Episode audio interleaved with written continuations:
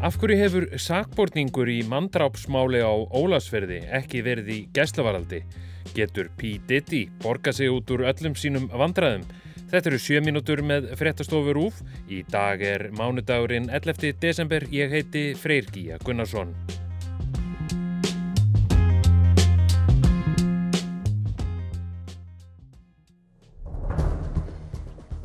Karlmaður á 50-saldri var stungin til bana í heimahúsi í Ólafsfyrði í nótt. Í dag hefst aðal meðferð vegna mandráps á Ólafsfyrði fyrir meir en ári síðan. Karlmaður á 40-saldri hefur verið ákjærður fyrir að myrða mann á Ólafsfyrði í fyrra. Sá sem er sakaður um verknæðin hefur ekki setið í gæsluvaraldi síðustu mánuði eins og venjan er í sakamálum eins og þessum. Ólafur Rún Ellensdóttir, þú ert að fara að fylgjast með eh, aðan meðferð í þessu um, morðmáli á Ólafsferði og það er svolítið sérstatt því að sakbortningurinn, hann hefur gengið laus í bísna langa tíma.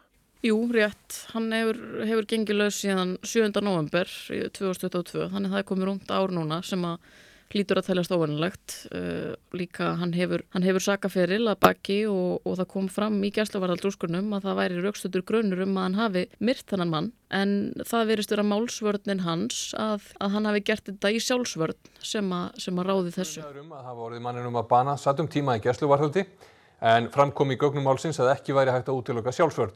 Þessi sjálfsvörn, þú last uh, greinagerðina þar sem að hann fór svolítið yfir uh, sína hlið. Hver, hver var svona, hver voru svona helstu rökin fyrir því að það ætti að síknan í rauninni af þessar ákjörðu? Það var í rauninni bara það að hann taldi hafa verið gerð bara allega að lífi sínu. Verjandi mann sem ákjörður er fyrir að drepa mann á ólasferði fyrir tæpa ári telur skýrt að maðurinn hafi orðið að verjast lífshættulegri árás.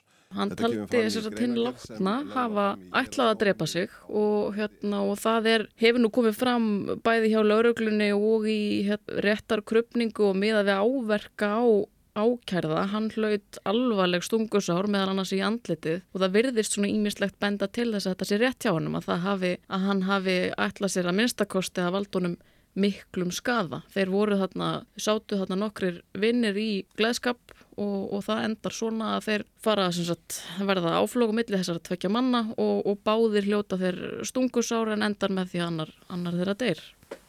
Voru ykkur vitni að þessum áflókum? Já, það voru tveir í viðbútt þarna í húsinu og annað þeirra talið hafa geta séð hvað þarna fór fram. Það var eiginkona, hins látna, og hún gaf skýrslu um það sem hún var vittnað. Uh, hún er látin í dag en, en hennar skýrsla mun eflust skipta miklu máli sem eina, eina vittnið að þessu. Og þetta var þarna glæðskapur og, og fólk undir áhrifum? Já, það spila svolítið inn í hlítur að vera að, að hérna, það kemur fram bæði í máli ákærða og svo lauruglunar þess að þau eruð vittna þegar þau kom á staðin. Fólk var svona, í, í misgóðu ástandi til þess að gefa skýrslur og fleira þannig að það, það eflust spilar inn í. Hvað er reiknað með að þessi aðalmeðferð takir langa tíma? Hún er á dagskrá hjá hérastómstólunum í tvo daga þannig að það eru tveir, tveir heilir vinnudagar eiginlega settur undir þetta.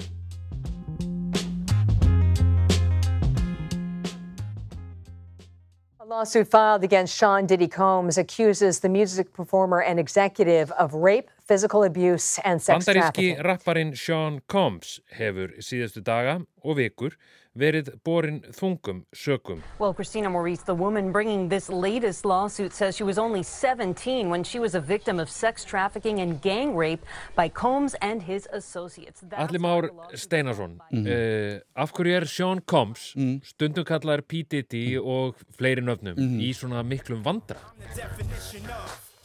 Hann er í vandraðum af því að e, það mætti segja að fortíðans séu einhverju leiti að koma í bakið á honum. Hann er náttúrulega nýbúin að fara í gegnum það sem að, uh, sko, ég veit nú ekki hvernig við um orða, kærastan hans eða eitthvað slíkt í til margra ára, held ég næstu 15 ára, uh, segir og lýsir því hvernig það var að vera með honum. Bara, og það er í reyn frekar ógísleg lýsing það sem hún segir og eiginlega bara daginn eftir er búið að semja.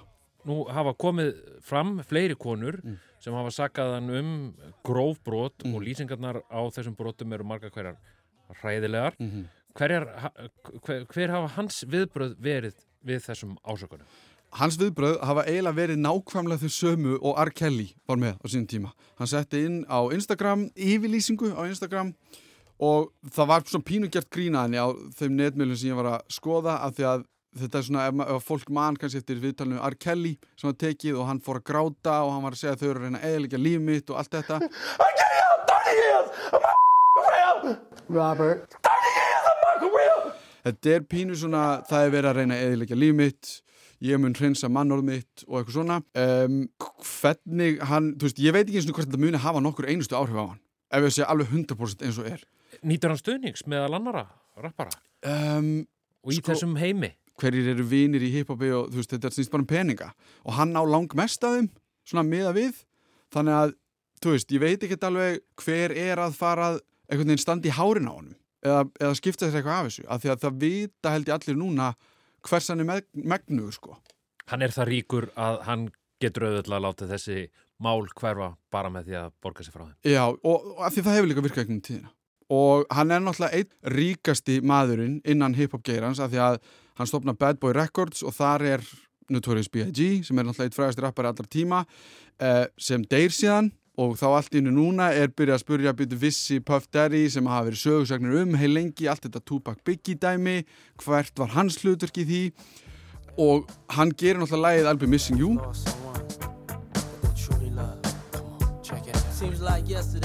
og það er heldur fyrsta rapplæði sem fer á toppin í bandaríkunum bara um leið og kemur út og er þar í 11 vikur eða eitthvað. Þú veist þannig að peningarnir sem þessi náðungi á eru fáralega miklu að því hann ásett eigi plötu fyrirtæki og fingrafur hans eru á svo svakalega mikið af hlutum sem hafa farið inn í það sem myndi vera kallað popkultúr þess tíma og sem við lifum ennþá við. Allt sem tengist glamur, rappinu og allt þetta að rapparar megi vera ríkir kaupa svo fullt af hlutum, vera á flottum bílum og allt þetta.